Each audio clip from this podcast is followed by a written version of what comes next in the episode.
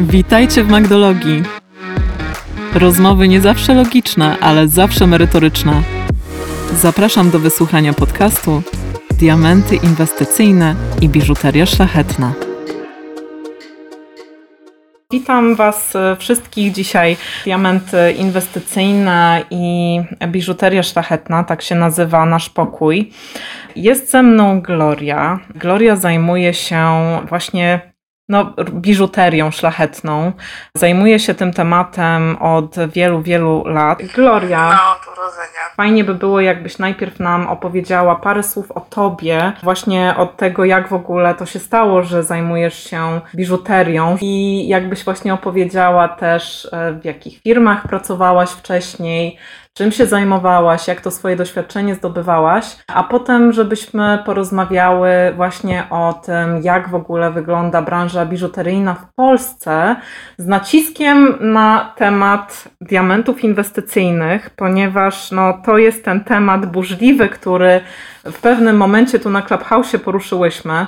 E, I okazało się, że jest to temat, powiedzmy, że trudny, ponieważ ludzie w Polsce tutaj w tą biżuterię inwestycyjną e, wkładają swoje pieniądze, a no może nie do końca świadomie i jest to po prostu związane z pewnym ryzykiem finansowym dla nich. Także jakbyś mogła się jakby przedstawić, opowiedzieć po prostu trochę o sobie, właśnie o, o tym, od czego się ta twoja przygoda z biżuterią w ogóle zaczęła. Moja przygoda z biżuterią zaczęła się w sumie od dzieciństwa ponieważ e, mój tata był jubilerem i wykonywał ręcznie biżuterię, bo kiedyś inaczej nie wykonywało biżuterii, tylko i wyłącznie ręcznie. Moja mama mu w tym pomagała, więc ja się wychowywałam w pracowni jubilerskiej, bo średnio mi się podobało chodzenie do przedszkola. Bardziej mnie kręciło pójście z rodzicami do pracy i bawienie się jakimiś zużytymi kamieniami niż zabawa w przedszkolu. Potem, no generalnie rzecz biorąc, sytuacja się zmieniła, bo mój ojciec zmarł. Jak byłam mała, mm, mama się jeszcze zajmowała firmą, ale potem się pochorowała. No i ja się kształciłam, skończyłam studia ekonomiczne i kształciłam się także w kierunku biżuterii. W miarę możliwości, jakie stwarzały możliwości wtedy y, na rynku polskim, jakie były dostępne możliwości kształcenia się 20 lat temu. Mm, no i potem mm, przyszedł taki czas, że ja jednak postanowiłam, że ja bym wolała iść swoją drogą. Międzynarodowo starałam się także aplikować na różne oferty pracy. Też wyjechałam mm, w tym czasie na wakacje, że tak powiem, do bardzo egzotyczny kierunek, to był wtedy Dubaj. E, też wysyłałam CV w Dubaju. No i zaprosiła mnie na firmę na rozmowę, no i nie powiedziała mi na co konkretnie aplikuje. No i tak od rozmowy do rozmowy. Gloria, Gloria, rozmów. Gloria. Nie, nie przeskakujmy tak? tego, bo to jest e, no też fajny taki etap tej twojej drogi, e, więc powiedz, e, co to za firma była? No to była firma Tiffany and Company, słynne Breakfast and Tiffany, śniadanie u Tiffany'ego. No i tak się złożyło, że rozmowy o pracę y, poszły pomyślnie. Y, nawet się w sumie nie spodziewałam. No i dostałam pracę w Tiffany, ale nie powiedziano mi na jakim stanowisku. Zostałam oddelegowana do Abu Dhabi, bo mogłam sobie wybrać, gdzie chciałam być, czy w Dubaju, czy w Abu Dhabi, bo była osoba potrzebna i w Dubaju, i w Abu Dhabi. No i zostałam oddelegowana do tej pracy. Jak się okazało, jako zastępca menadżera na Abu Dhabi. Na początku dano mi, że tak powiem, no nie wiem, taką białą kartę, gdzie ja mogłam się wykazać, jak ja na to patrzę teraz z perspektywy czasu. No i musiałam się nauczyć wszystkich kolekcji, o tej całej biżuterii, o marce, o wszystkim. No a potem nieoczekiwanie po trzech miesiącach odszedł dyrektor i powiedziano mi, ja oczywiście o niczym nie wiedziałam. W tym czasie było w Abu Dhabi 15 facetów, wszyscy Arabowie. Ja jedyna Europejka, jedyna kobieta i wtedy mi powiedziano, że ja zostałam tym dyrektorem na Abu Dhabi. No to I jest... że gratulują mi.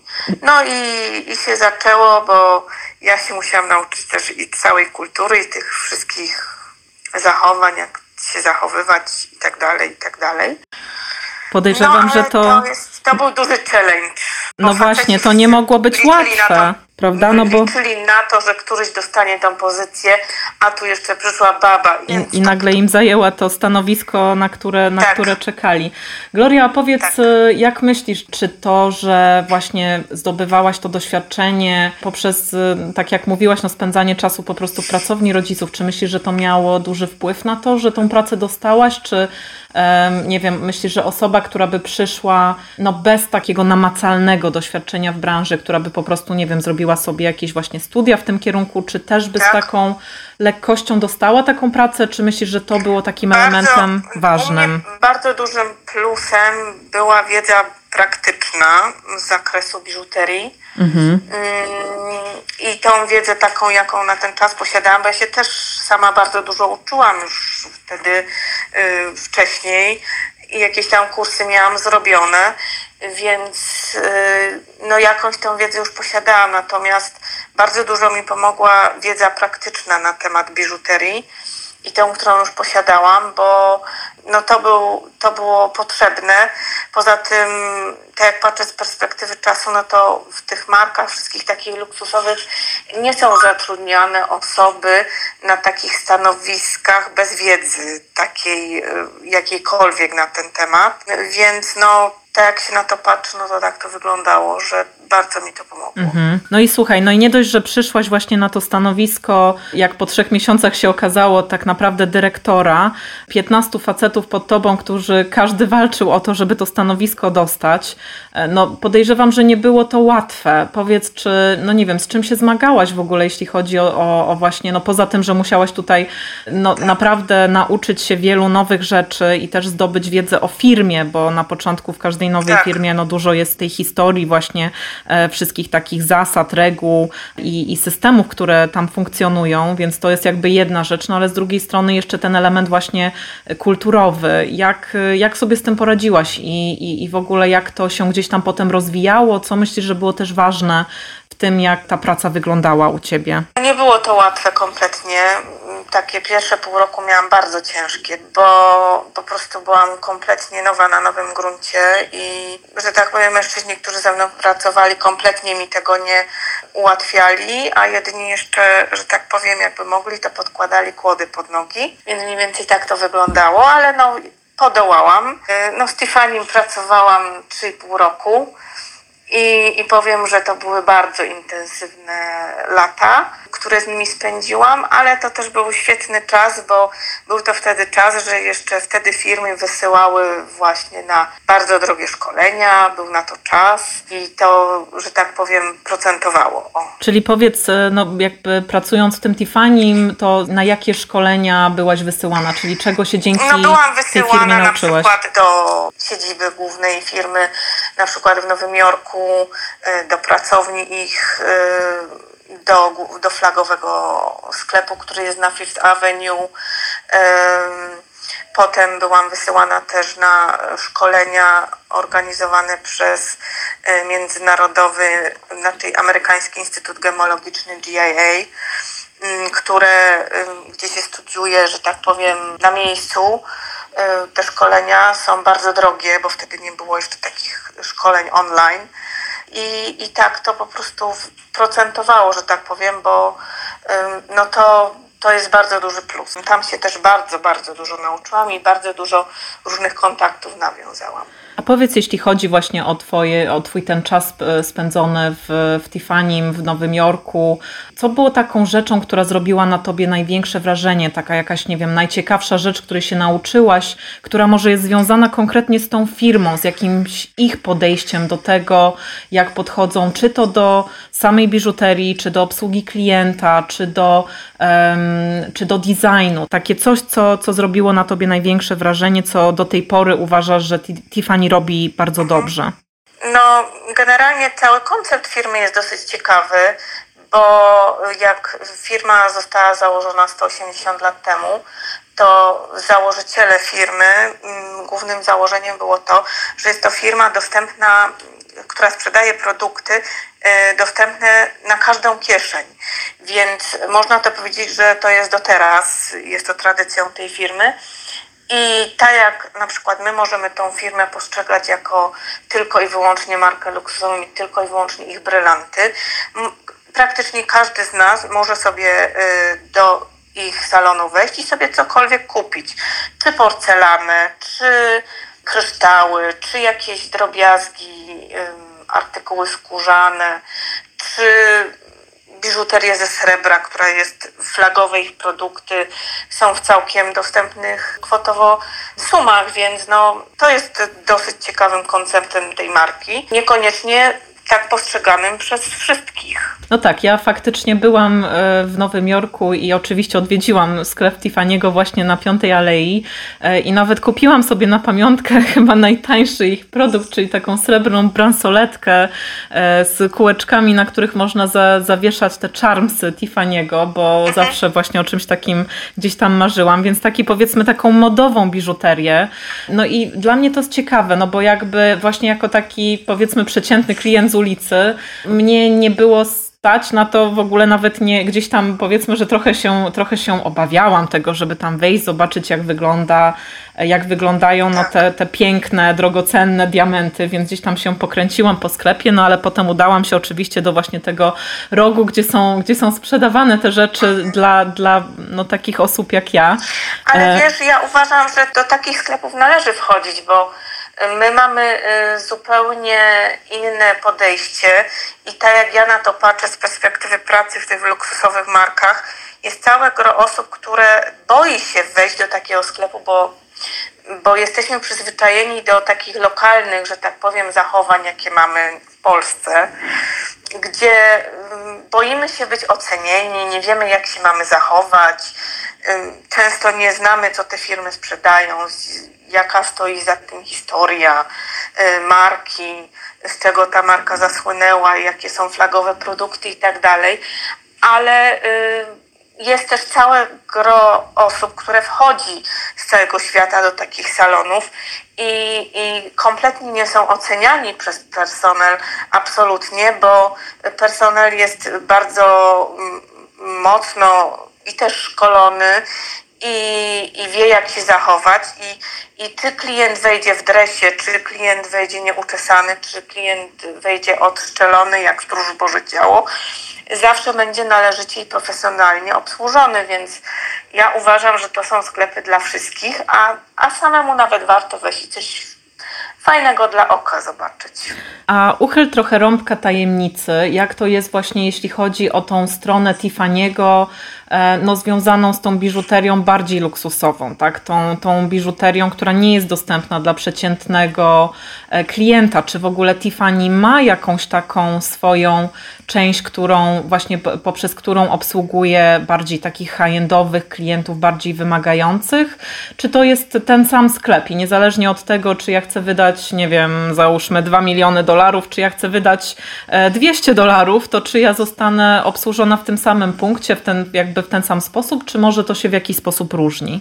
Nie, oczywiście, że nie. Flagowe sklepy, salony Tiffany'ego mają y, osobne pomieszczenia dla obsługi klientów indywidualnych zakupujących takie drogie wyroby jubilerskie danej marki e, lub jest także indywidualna obsługa i tacy klienci w ogóle nie pojawiają się w salonach, natomiast, że tak powiem, salony udają się do nich i obsługują ich w zaciszu e, domowego ogniska. Och, cudownie. E, no tak, tak, ale czyli to, co mówisz, że gdzieś tam tego Tyfaniego właśnie odróżnia od innych takich marek luksusowych zajmujących się biżuterią szlachetną, to jest to, że w zasadzie właśnie każdy człowiek może być posiadaczem tego e, niebieskiego, turkusowego pudełka, które jest e, po tak, prostu rozpoznawalne na całym świecie. Pod warunkiem, że coś kupi. Że zakupi produkt Tiffany. Tak. Taki jest koncept marki i założyciela Charlesa Louisa Tiffany'ego. Dostanie to pudełko, nie może go dostać, tak? ale musi coś kupić. Czyli jeżeli ktoś coś kupi, to dostaje właśnie to charakterystyczne tak. niebieskie pudełko. Okej, okay, tak. a powiedz, no bo jakby e, Tiffany to była ta pierwsza taka tak. marka, z którą gdzieś tam współpracowałaś. Jak to wyglądało i właśnie czym się różniła praca czy w Chomé, czy w Cartierze? Jakby jaka była różnica w doświadczeniu? Czy tam też zdobywałaś, jakbyś kształciłaś się dalej, zdobywałaś kolejne w certyfikaty? Marek, w każdej z tych marek są drobne niuanse, bo ta biżuteria jest z reguły bardzo dobrej jakości, natomiast no, w każdej marce trzeba znać całą historię marki i trzeba znać całą historię produktu, projektantów, wchodzące nowe kolekcje, rozwiązania technologiczne itd., tak itd. Tak Więc no, to jest dosyć wyzwanie, bo tego jest dosyć dużo, a te marki mają bardzo bogatą historię i, i trzeba po prostu, każda marka po prostu się czymś delikatnie różni. Różni się też czasami y, podejściem do klientów.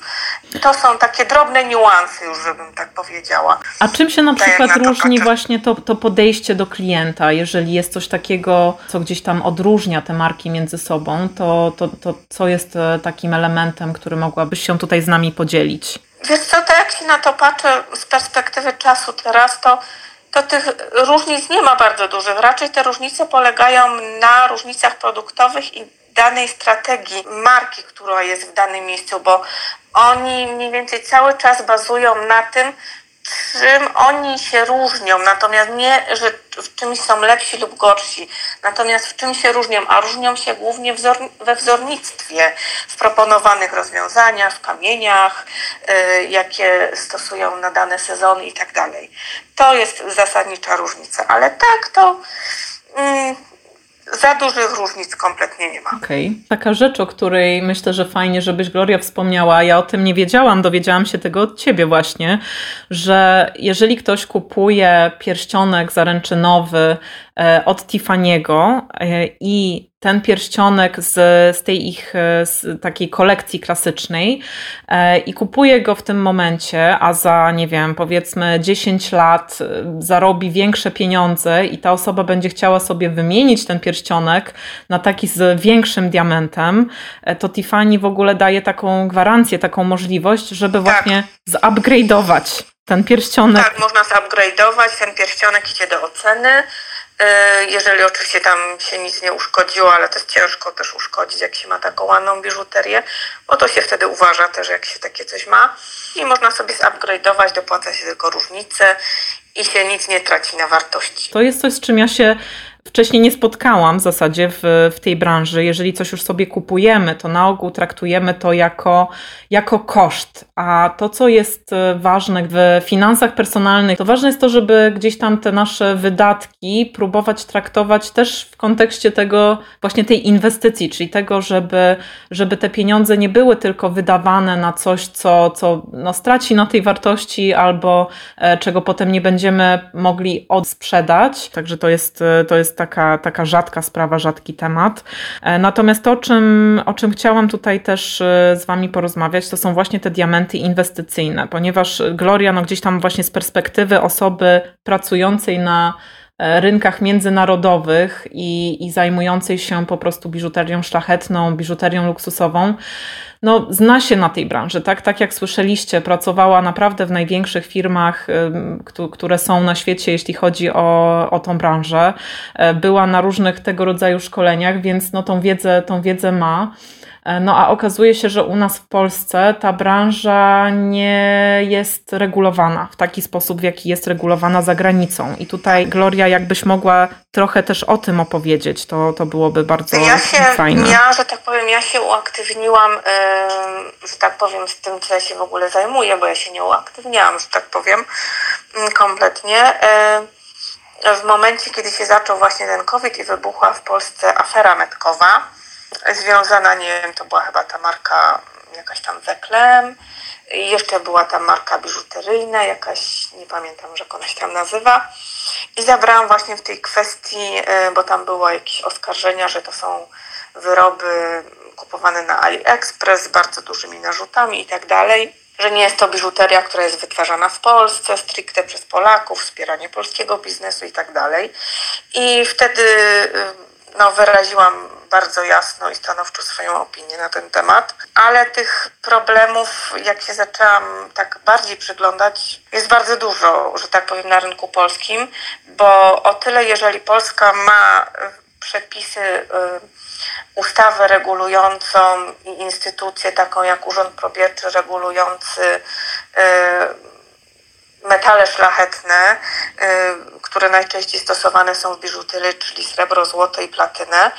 Mm, I nad tym jest jakakolwiek kontrola na rynku, chociaż działa to obecnie bardzo przestarzały sposób, y, moim zdaniem. Na tyle y, rynek jubilerski, nazewnictwo odpowiednie nie jest kompletnie uregulowany, ponieważ Polska nie jest jaką żadną ze stron umów międzynarodowych obligujących rynek do stosowania określonego nazewnictwa, norm, standardów, y, sposobu informowania klientów o biżuterii najzwyczajniej w świecie.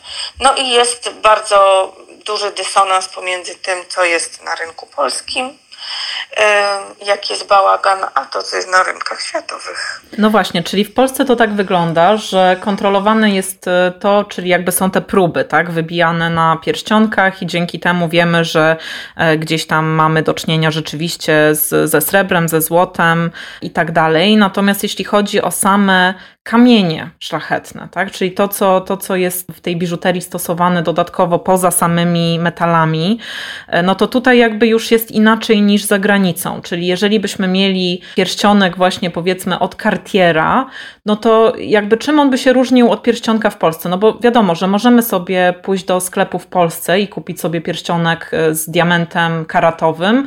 Czym to się będzie różniło? Czym ten pierścionek się będzie różnił jeden od drugiego i, i z czego to wynika?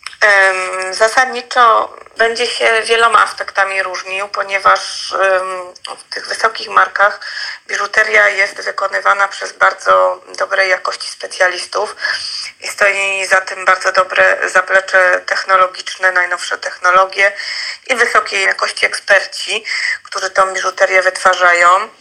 Oraz sposób pozyskiwania kamieni jest bardzo przejrzysty i wszystkie kamienie są certyfikowane przez y, wiodące instytucje certyfikujące kamienie na świecie. Głównie y, w takich wysokich markach są tylko i wyłącznie produkty certyfikowane przez Amerykański Instytut Gemologiczny, który jest instytucją niezależną mm, kompletnie od branży. I oni właśnie certyfikują kamienie, ale są także inne instytucje, takie jak y, HRD Wysoka Rada Diamentów Antwerpii albo Międzynarodowy Instytut Gemologiczny, a także jakieś inne takie mniej znane czy w, na rynku w Anglii czy w Szwajcarii. To są takie najbardziej popularne instytucje certyfikujące kamienie na świecie. E, natomiast czym się będzie różnić e, w Polsce?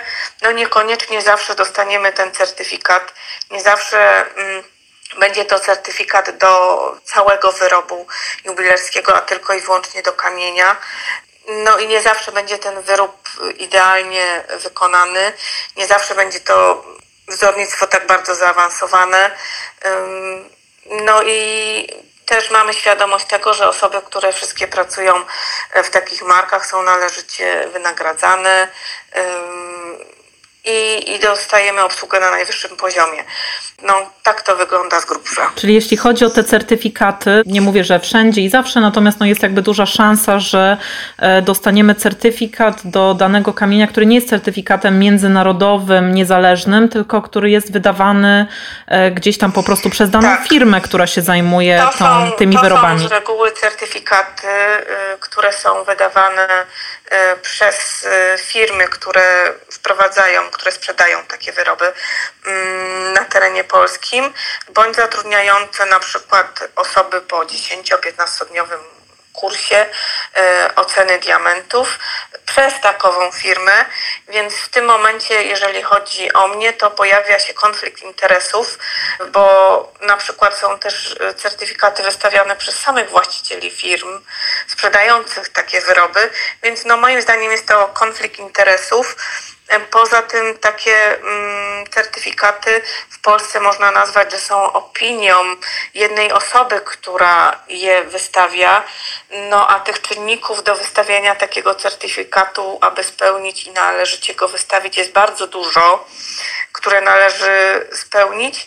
No i, i, nie, i w instytucjach międzynarodowych takie certyfikaty lub raporty do biżuterii nie są wystawiane przez jedną osobę, tylko są oceniane niezależnie e, przez e, kilka osób, a także przez najnowocześniejsze urządzenia ku temu celu przeznaczone, więc e, szanse na pomyłkę są bardzo nikłe. Mhm, Okej, okay, super, dzięki za, za te informacje.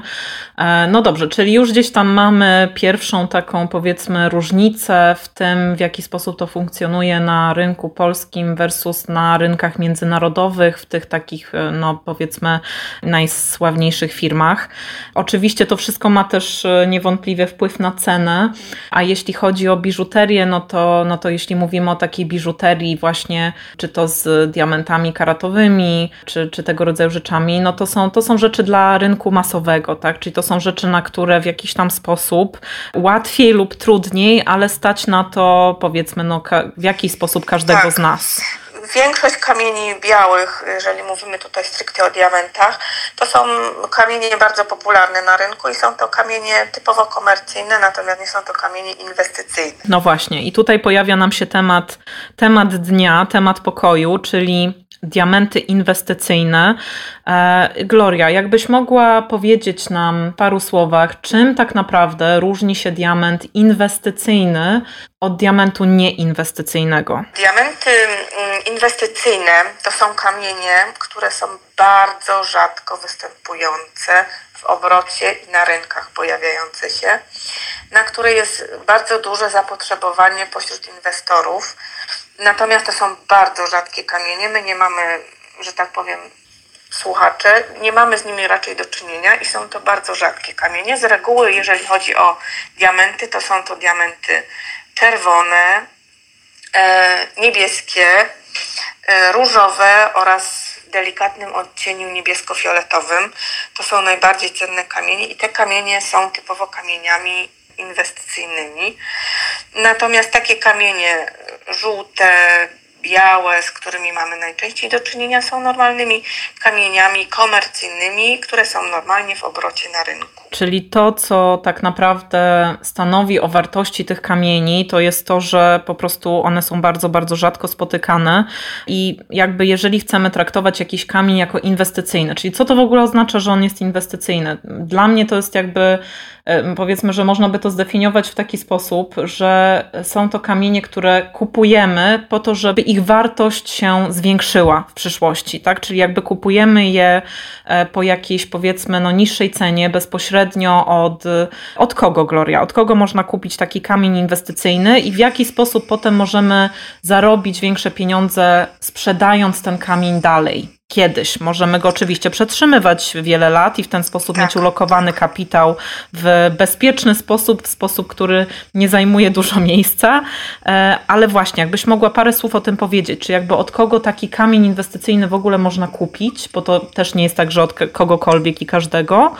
E, I gdzie potem taki kamień możemy sprzedać? Takie kamienie mm, z reguły się kupuje bezpośrednio u osób, które zajmują się sprzedażą kamieni oszlifowanych, czyli w bardzo dużych hurtowniach światowych, albo poprzez aukcje y, organizowane przez największe domy aukcyjne na świecie.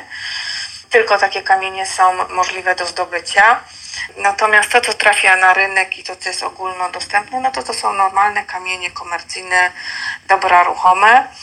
One są, tak jak ja zauważyłam, na rynku polskim reklamowane na przykład jako mm, diamenty inwestycyjne.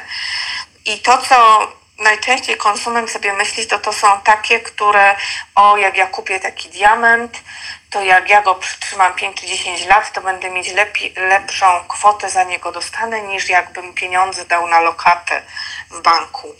I to jest bardzo mylne, e, ponieważ e, w Polsce e, te diamenty, jako, które są reklamowane jako inwestycyjne, są kamieniami bardzo komercyjnymi I firmy, które powstają na rynku, są to firmy takie, które sposób łatwy chcą zarabiać y, większą gotówkę, inwestować ją dalej jakkolwiek na rynku w cokolwiek innego poprzez y, taki, a nie inny sposób marketingu, jaki powstał. No i jak się bardziej przyjrzałam temu, no to większość tych firm albo widnieje na listach y, Krajowego Nadzoru Finansowego, gdzie y, konsumenci są ostrzegani przed inwestowaniem w takie dobra, albo już y, dostali dosyć spore wyroki, pozmieniały się nazwy firm delikatnie, osoby na stanowiskach się pozamieniały, no i dalej proceder trwa. Czyli tak jakby podsumowując to, to o czym mówiłaś, no to Wszystkie te kamienie, które gdzieś tam są w obrocie no, u nas i, i często gdzieś tam mogą być spotykane jako kamienie inwestycyjne, to tak naprawdę no, jest duża szansa, że to nie są kamienie inwestycyjne, tylko po prostu nieinwestycyjne kamienie komercyjne, których wartość jest wartością sentymentalną i wartością, no powiedzmy, taką, że kupujemy sobie po prostu coś ładnego, a nie, że lokujemy tak. nasz kapitał e, z taką chęcią, żeby gdzieś tam na tym w perspektywie czasu po prostu coś móc zarobić. E, no bo też tak jak rozmawiałyśmy o tym, jeżeli taka firma na przykład sprowadza sobie te diamenty komercyjne, załóżmy, nie wiem, z jakiejś Antwerpii, czy z jakiegoś miejsca, gdzie są normalnie certyfikowane, jakby tak, legalne, tak, to nie jest tak, Oni że... generalnie zakupują te diamenty w jakiejś hurtowni, przyjeżdżają do Polski. Y, oczywiście należy tego doliczyć wszystkie należne podatki plus swoją marżę. No i y, sprzedają ją to pod przykrywką diamentów inwestycyjnych. No i tutaj się pojawia y, no, bardzo duży dysonans pomiędzy tym, co jest na świecie, a pomiędzy wyobrażeniem, co to są te diamenty inwestycyjne. I, i, I to jest y, dosyć problematyczne, ponieważ jeżeli patrzy się z perspektywy światowej, no to y, nigdy nie jest zalecane, aby inwestować jakąś, nie wiem, całą swoją gotówkę, czy pieniądze, czy oszczędności, jakie posiadamy, w jakiś tam kamień, który nam oferuje jakaś firma, y, nie wiem, posiadająca biuro tu i ówdzie. I nie możemy też, ja tak z mojego mojej perspektywy, y, że udając się do takich firm, a tych firm jest całkiem sporo, mm, no musimy brać też pod uwagę to, że jest chęć, y, oni chcą sprzedać i zarobić na tym, więc jaka to będzie dla nas inwestycja, jeżeli jak się popatrzy na rynek diamentów na przestrzeni 8-10 lat, ceny diamentów wzrosły około 30-35%, więc tak na patrząc rocznie, to jest gdzieś od 3,5 do 4,5%, ale jak się weźmie pod uwagę kursy walut, inflację oraz siłę nabywczą pieniądza, jaka była 10 lat temu, jaka jest teraz, no to ta inwestycja to tak słabo trochę wypada. Czyli wychodzimy de facto na zero, a jeszcze jeśli weźmiemy pod uwagę to, że firmy, które sprzedają te diamenty, muszą na tym zarobić, czyli właśnie dorzucają i, i odprowadzić od tego oczywiście podatki, bo to wszystko jest robione jak najbardziej zgodnie z prawem, tak? No to w momencie, kiedy odprowadzą podatki, e, w momencie, kiedy narzucą sobie do tego marżę, no to nagle diament, który jest warty powiedzmy, nie wiem, 100 tysięcy złotych, no może nas kosztować e, ile? Dwa razy więcej albo, albo jeszcze lepiej, tak? Czyli potem. Tak, tak. Czyli de tak, facto się spotkałam z tym.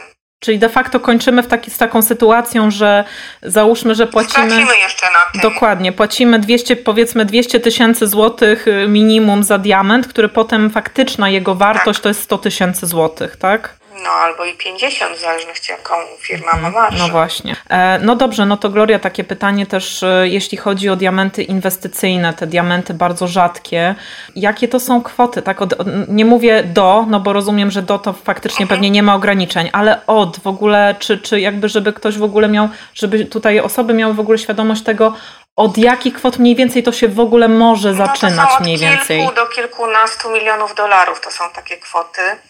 I z reguły takie diamenty są kupowane przez osoby, które na to stać i które sobie to mogą odłożyć gdzieś na bok. I czy na tym zarobią, czy na tym nie zarobią, że tak powiem, nie odczują tego kompletnie w swoich finansach. I tak to należy traktować, bo kamieni na przykład za 50, za 100, czy za 200, 300, 500 tysięcy nie możemy traktować inwestycyjnie, a jedynie możemy to traktować tak, że są dla nas, nie wiem, przyjemnością dla połechtania własnego ego, że nas na nie stać. I są piękne, no po prostu na przykład cieszymy się ich pięknem i tak dalej. Natomiast nie są to kompletnie diamenty inwestycyjne, tak jak są reklamowane. No dobrze, no to powiedz Glory, bo tak naprawdę jak się przed tym zabezpieczyć? Czyli jeśli chodzi o to, tak jak, no nie wiem, ty powiedzmy, gdybyś była takim e, przeciętnym konsumentem, który zastanawiałby się nad tym, żeby kupić jakiś diament. Powiedzmy, że ktoś nawet chce sobie kupić jakiś diament, żeby nawet, może nie to, żeby w niego zainwestować po to, żeby on e, gdzieś tam nam rósł na wartości i, i można go potem było sprzedać przez aukcję w jakimś wielkim, znanym domu aukcyjnym za większe pieniądze, niż, niż za te, które w niego zainwestowaliśmy na początku.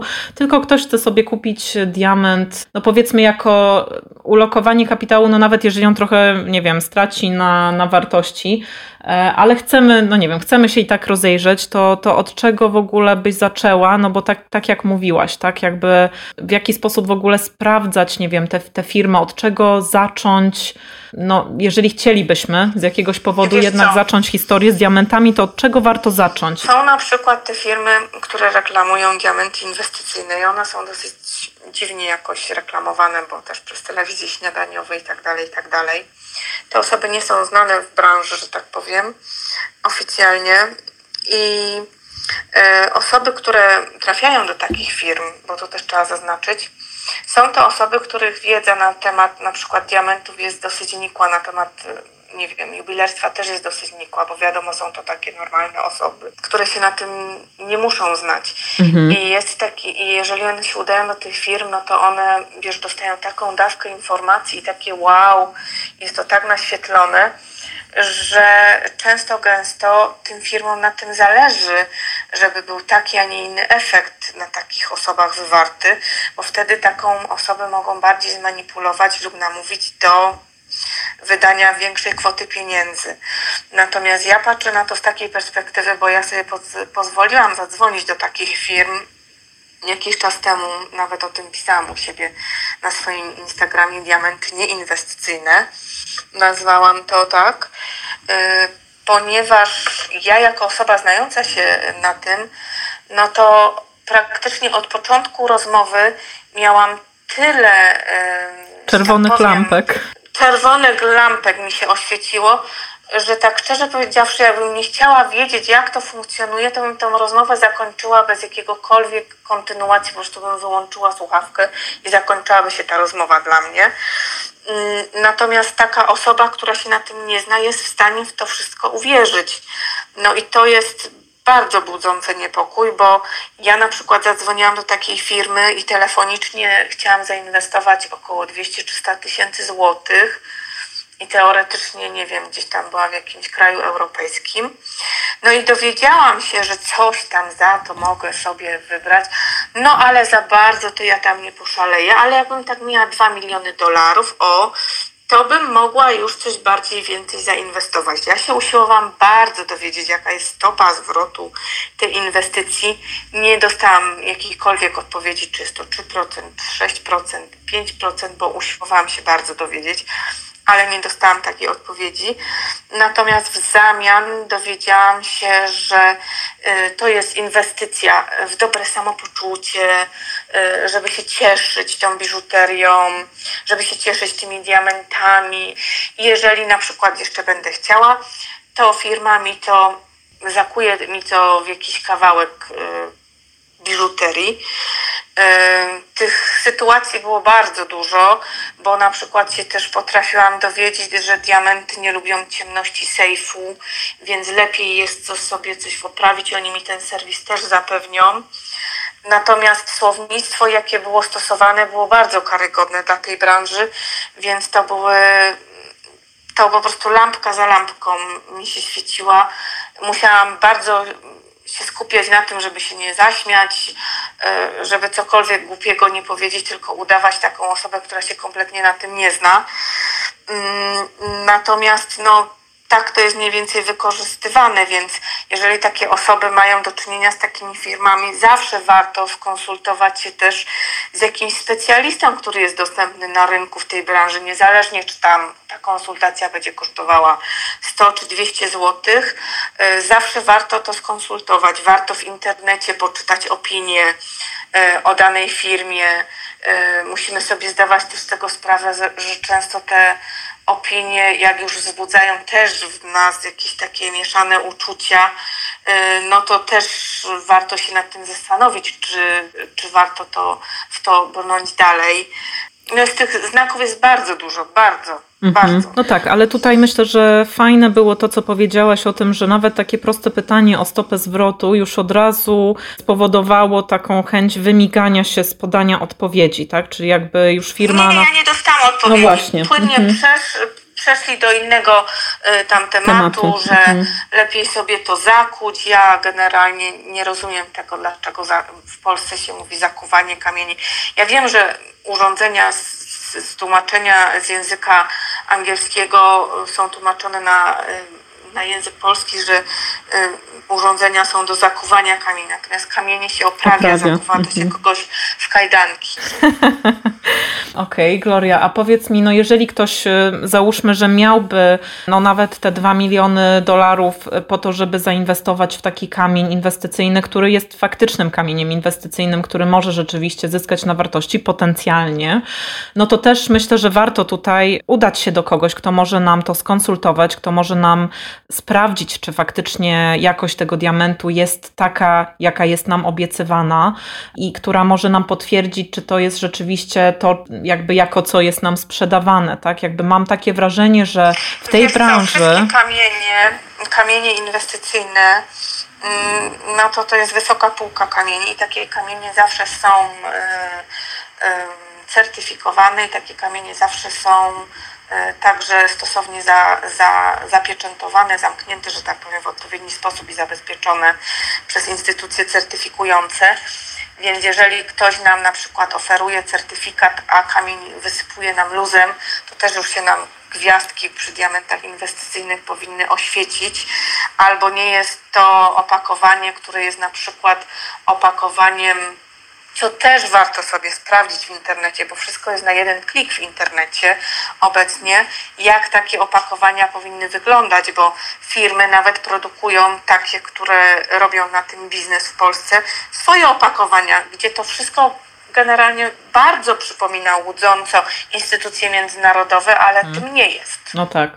No jeszcze dodatkowo ja mam takie wrażenie, e, gdzieś tam też rozmawiając ze znajomymi, że jeśli chodzi o tą branżę diamentów e, i, i biżuterii, gdzie, gdzie ludzie w to właśnie próbują inwestować, no to problem polega na tym, że często to przychodzi jako rekomendacja od znajomych, tak? Czyli my tutaj bardzo polegamy w tym momencie na poleceniach, a osoby, które nam to mogą polecić, mogą same tak naprawdę po prostu na tym się nie znać. Z jakiegoś powodu, jak inwestujemy pieniądze w Uh. Nie wiem, e, giełdę, albo jak inwestujemy pieniądze w, nie wiem, inwestycje na przykład w nieruchomości, to jesteśmy gotowi pójść do rzeczoznawcy, jesteśmy gotowi zapłacić maklerowi, jesteśmy gotowi pójść do instytucji, które znamy i którym ufamy, e, no a nie do pierwszego lepszego człowieka, który, który się do nas no, zgłasza. Nie słuchamy opinii koleżanki, czy się jej podoba nieruchomość, którą chcemy kupić, tylko się zabiera rzeczoznawcę jakiegoś inżyniera budowlanego, który jest się w tej kwestii w stanie wypowiedzieć, wie, co się ma zapytać, jak to wszystko ma wyglądać, a, a w tej kwestii, no, tak jak w każdej innej, no, nie możemy ufać temu, co nam powie, nie wiem, znajoma, koleżanka, czy cokolwiek. No. A powiedz mi, Gloria, jeśli chodzi o właśnie, nie wiem, jakieś instytucje, to czy możesz, jakby, nie wiem, czy znasz w ogóle jakieś takie instytucje, które w Polsce potencjalnie mogłyby pomóc w tym, żeby jakiś kamień ocenić, jakby gdzie ktoś może w ogóle zacząć czegoś takiego szukać, bo wiem, że zajmujesz się normalnie rynkami zagranicznymi, więc e, nie wiem, czy, czy jesteś w stanie parę słów powiedzieć o tym, jak to, jak to w Polsce wygląda, od, od kogo, od czego w ogóle mo można zacząć, żeby zacząć się dowiadywać tak. na ten temat. No, generalnie to powiem Ci tak. W Polsce są dwie instytucje, Stowarzyszenie Rzeczoznawców Jubilerskich i Polskie Towarzystwo Gemologiczne, y, które tam mm, zrzesza rzeczoznawców według tego, jak to mniej więcej jest tam na rynku polskim. Natomiast Na rynku polskim znowu, przepraszam, ale no nie jestem lubiana, odkąd zabrałam głos w branży. Zawód rzeczoznawcy też nie jest uregulowany prawnie, więc są to i wyłącznie opinie jednej osoby, a czy te osoby są uczciwe, czy działają we własnym interesie, czy w innym, to już jest y, różnie. Jedne chcą działać y, tak, jak się należy, jedne nie, więc ciężko mi w tej kwestii coś powiedzieć. Jeżeli, jeżeli ja bym miała coś takiego robić, to wolałabym się udać do jakiejś międzynarodowej instytucji, które są niedaleko do Polski, a. a są niezależne, powiedzmy. A są kompletnie niezależne i jest to e, stosownie uregulowane. Płaci się za odpowiednią usługę i nikt w tym nie ma żadnego biznesu. Jeszcze z mojej strony Chciałam spytać o, o, taką jedną ostatnią rzecz, no bo zdaję sobie sprawę z tego, że te diamenty inwestycyjne, które nie są diamentami inwestycyjnymi, czyli te diamenty nieinwestycyjne, komercyjne, które są w Polsce sprzedawane jako inwestycyjne, no że są osoby, które już sobie takie diamenty kupiły, tak? I w tym momencie mają w domu właśnie coś, co potencjalnie straci tylko na wartości, to znaczy już nie, nie ma tej wartości, e, jaką, jaka została przez nich za ten produkt zapłacona. Czy jest cokolwiek, co ta osoba może zrobić z tym diamentem, żeby jednak tą jego wartość podnieść? Czyli właśnie, czy na przykład oprawienie tego diamentu u jakiegoś e, fantastycznego jubilera, co oczywiście będzie się wiązało z kolejnymi kosztami, więc to też w jakiś tam sposób może być potencjalnie ryzykowne i odsprzedaż po prostu gdzieś dalej, ale już jako biżuteria, a nie jako diamenty. E, czy coś takiego może mieć sens? Czy to też nie ma sensu, bo, bo, bo, bo coś, nie wiem, może się z tym diamentem w procesie stać? Jak to wygląda? Czy, czy jest jakaś nadzieja, powiedzmy? Wiesz co, no um, albo można sprzedać taki kamień luzem, takie kamienie się najszybciej luzem sprzedaje na świecie. Mm, natomiast y, można to także w coś oprawić, ale zawsze się też wiąże ryzyko z tym, że y, no, jest zawsze jakiś ułamek procentowy, że może go nam jubiler uszkodzić y, i tak dalej. No to, to już jest też ryzyko, które ponosimy, więc no, tego ryzyka nie mamy kupując gotowy produkt, jakiś dobrej jakości. Natomiast w tej kwestii no to też jest dosyć istotny wybór jubilera, który nam to zrobi, dodatkowe koszta, które poniesiemy.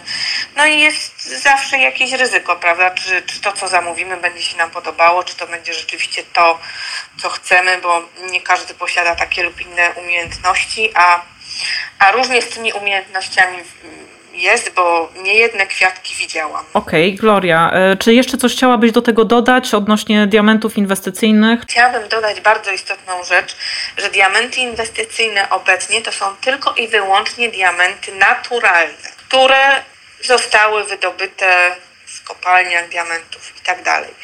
Natomiast nie poruszamy tutaj tematów diamentów tak zwanych, które są też na rynku dostępne, diamentów eko, e, diamenty wytworzone przez człowieka, czyli diamenty laboratoryjnie wytworzone lub diamenty tak zwane syntetyczne, bo taka jest ich nazwa, które są w bardzo bajeńskich kwotach sprzedawane na rynku polskim, a na świecie także w niektórych markach.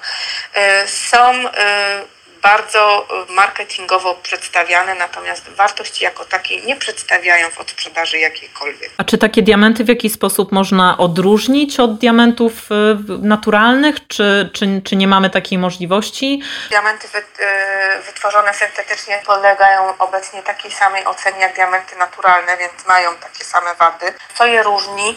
Są to struktury wzrostu pomiędzy atomami i do tego powstały specjalistyczne urządzenia do rozróżniania tego, ponieważ naturalne oczywiście powstawały na przestrzeni milionów lat, a te powstają w bardzo krótkim czasie i to jest zasadniczo różne. Czy one jakby muszą mieć certyfikat i jest jakaś regulacja, która mówi o tym, że firmy sprzedające te diamenty muszą powiedzieć o tym, że one są syntetyczne, czy może to też jest nieuregulowane?